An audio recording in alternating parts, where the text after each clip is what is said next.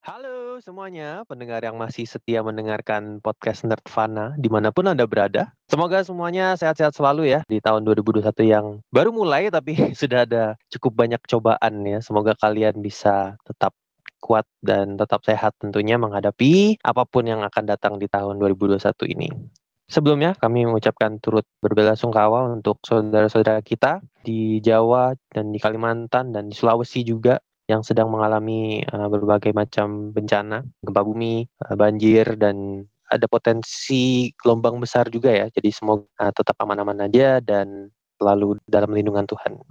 Nah, di episode kali ini kita akan membahas tentang masalah perut untuk memperingati Hari Gizi dan Makanan yang jatuh pada tanggal 25 Januari ini. Kita akan membahas mengenai asupan gizi daripada uh, para mahasiswa dari sudut pandang mahasiswa rumahan dan juga mahasiswa rantau. Apakah berbeda? Kalau berbeda seperti apa sih uh, pola makan anak-anak kos dan anak-anak uh, rumahan ini? Selamat datang di Project Nerdfun. Gue sih anak rumahan ya, jadi pola makan gue sebetulnya ya kalau gue lapar ya tinggal makan aja gitu. Jadi untuk biaya kadang sih ya dimasakin uh, orang rumah, tapi kadang juga kalau nggak sempet kadang gue juga makan di luar. Waktu itu sih di awal-awal kuliah belum zamannya ojek online ya guys. Jadi dulu kalau gue lapar, gue harus uh, go walk ya. Jadi harus jalan sendiri nyari makanan. Jadi kalori masuk dan kalori keluar berjumlah kira-kira sama lah.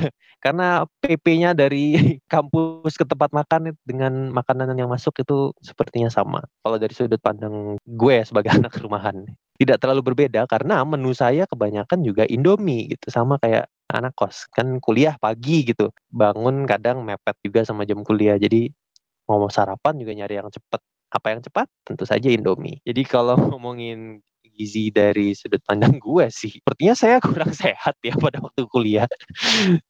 Nah gue pengen tahu nih pengalaman dua orang yang ada di podcast ini hari ini tentu saja Dito dan Tita bagaimana asupan gizi mereka? Nanti gue akan cerita tentang gue lebih banyak lagi tapi untuk sekarang gue masih penasaran nih, jadi gue harus tanya dulu nih. Untuk Tita dulu deh, sebagai anak rantau. Waktu lu kuliah, yang lu utamain tuh apa sih dalam makan gitu ya? Kualitas atau kuantitas? Kalau gue makan mut-mutan aja. Gue hari ini mau makan apa ya gitu. Kadang tuh hmm. ya namanya anak kos kan karena kita udah malus makan sendiri gitu. Jadi kayak udah ya udahlah, udah makan makan udah gitu. Kalau anak kos tuh biasanya mikirnya gini, nggak apa-apa sekali-kali agak sering pasti kita mikirnya gitu. Padahal ujung-ujungnya tetap juga sering sering. Jadi lo tipe anak kos yang suka jajan ya? Lo masak sendiri gak sih dulu? Kapan di kosan bisa masak ya? Jadi gue kadang masak. Gue tuh uh, menghematnya adalah gue punya rice cooker. Jadi gue masak nasi sendiri gitu. Entah gue beli lauk gue beli lauk sendiri atau mungkin akan ya seperti yang tadi Anda lakukan Indomie plus nasi itu adalah sebuah kenikmatan. Ah, Anda bisa mencampur Indomie sama nasi ya? Bisa dong, kalau lagi kepepet. Oke.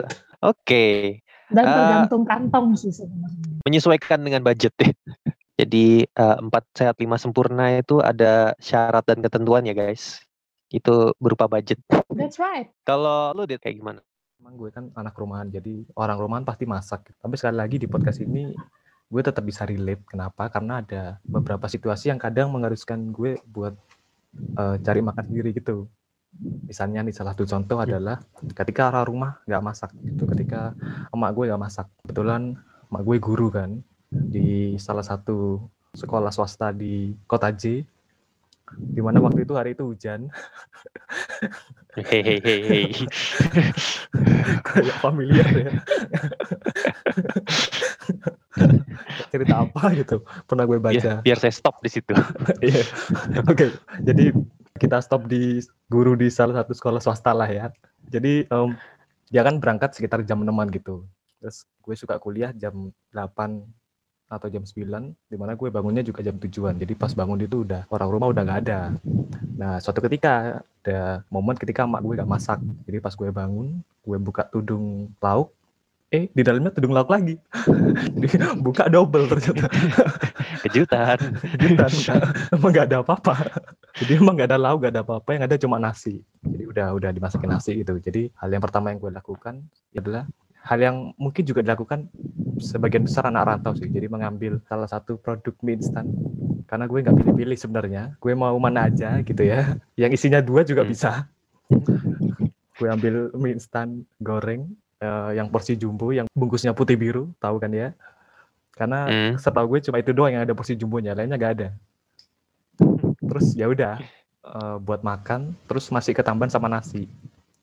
Nah, nasi itu juga gue goreng. Jadi jatuhnya kayak nasi goreng campur mie goreng gitu loh. Maut. Ih, ya gitulah maut. Ditambah ala-ala sosis sama telur gitu. Jadi banyak banget. Emang kelihatannya banyak. Kenapa? Karena itu nggak gue makan buat pagi doang sih. Jadi gue sisain juga buat ntar gue pulang kuliah. Karena Hmm. seperti yang lo tahu kan, gue waktu awal-awal mahasiswa kan orangnya kubu-kubu banget kan. Kuliah pulang, kuliah pulang. Alasan sebenarnya adalah dengerin podcast gue sebelumnya. Iya.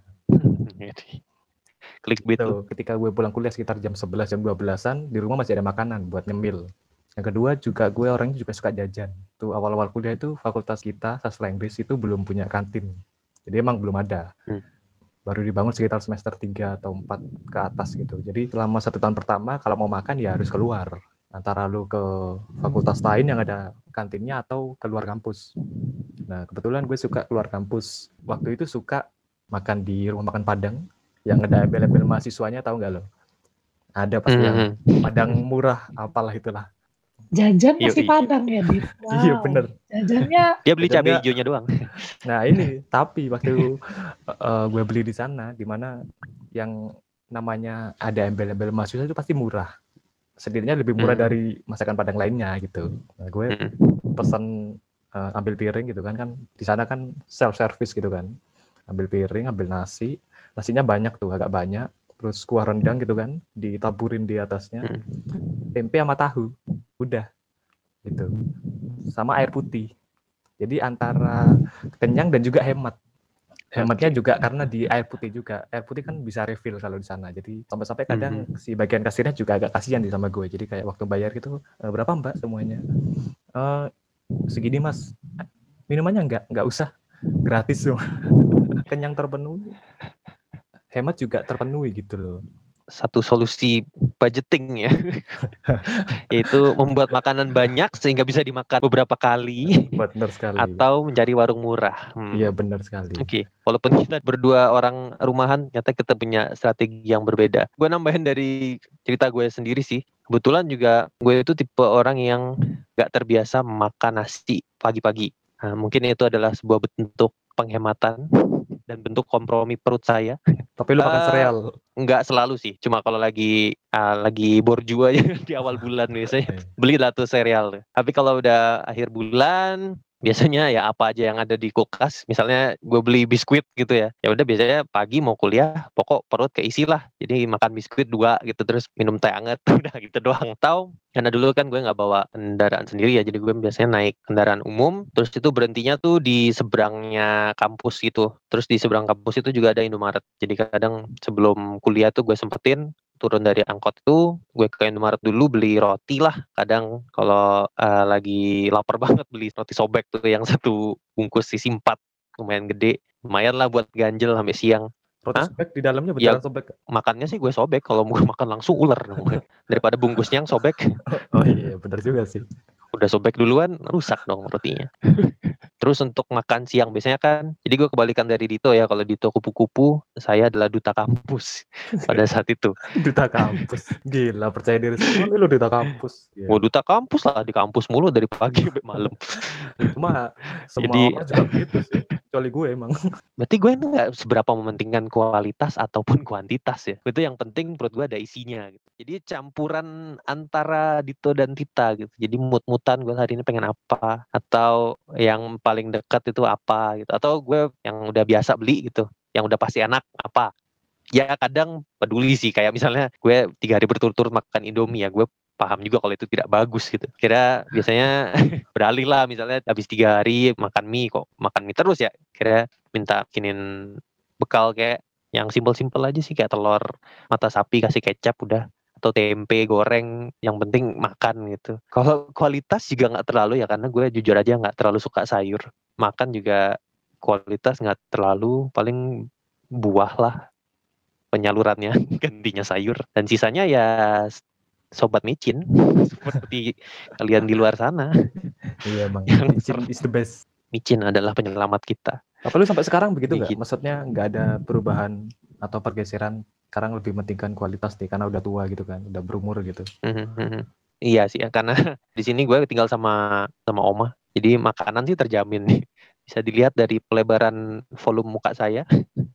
itu adalah bukti gizi yang membaik ya daripada di Jember karena di Jember juga waktu itu cukup prihatin. Jadi makan juga seadanya. Di sini eh, nggak terlalu mikirin budget lah. Jadi kalau lapar ya makan gitu. Toh juga di rumah ada makanan atau kalau lagi pengen jajan ya jajan gitu. Jadi kualitas ya lebih lebih peduli sekarang karena sudah bisa afford. Kalau dulu peduli tapi nggak bisa gitu. Kayak gitu sih gue. Kalau lu gimana? Tit? Kan sekarang udah eh masih ngekos sih, tapi kan udah kerja gitu.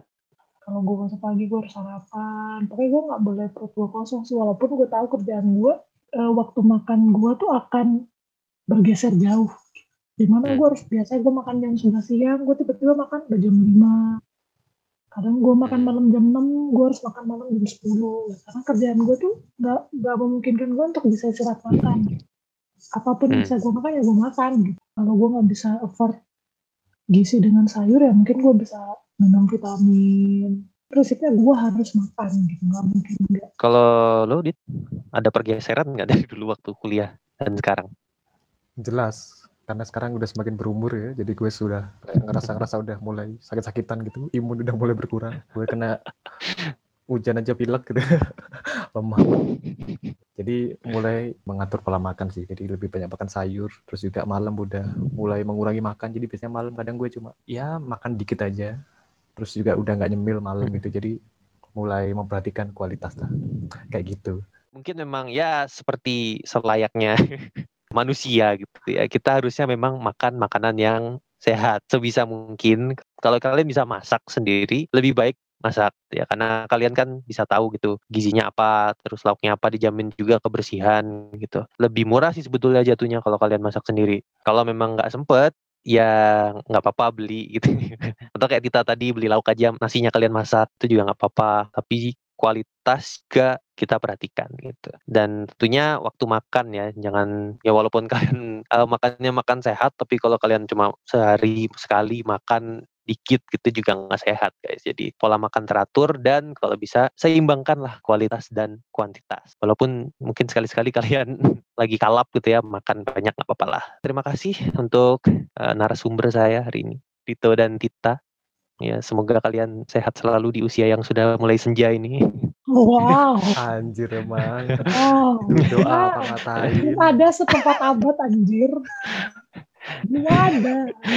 habis pembahasannya kayak udah tua banget kita Iya, orang gue masih muda. Anyway, semoga kalian eh, tetap sehat ya di mana pun kalian berada dan di tengah pekerjaan apa pun yang kalian lakukan. Jangan lupa makan, eh, jaga makan gitu. Gue di sini sebagai eh, co-host ya, bukan gebetan yang mengingatkan kalian kapan harus makan. Jadi harusnya kalian sudah bisa tahu sendiri. Jadi terima kasih juga untuk kalian yang sudah mendengarkan. Semoga tips-tips dari para sesepuh ini bisa berguna untuk kalian. Semoga kalian bisa tetap sehat juga, apalagi sekarang sih kuliah online ya. Kalian harusnya di rumah masing-masing. Gizi harusnya lebih terjamin. Dan untuk penutup, kali lagi kami mengucapkan turut berbela-sungkawa untuk saudara-saudara kita yang sedang mengalami cobaan. Semoga kalian tetap diberi kekuatan, kesehatan di tengah bencana ini. Sampai jumpa, selamat bertemu kembali di episode kita yang berikut.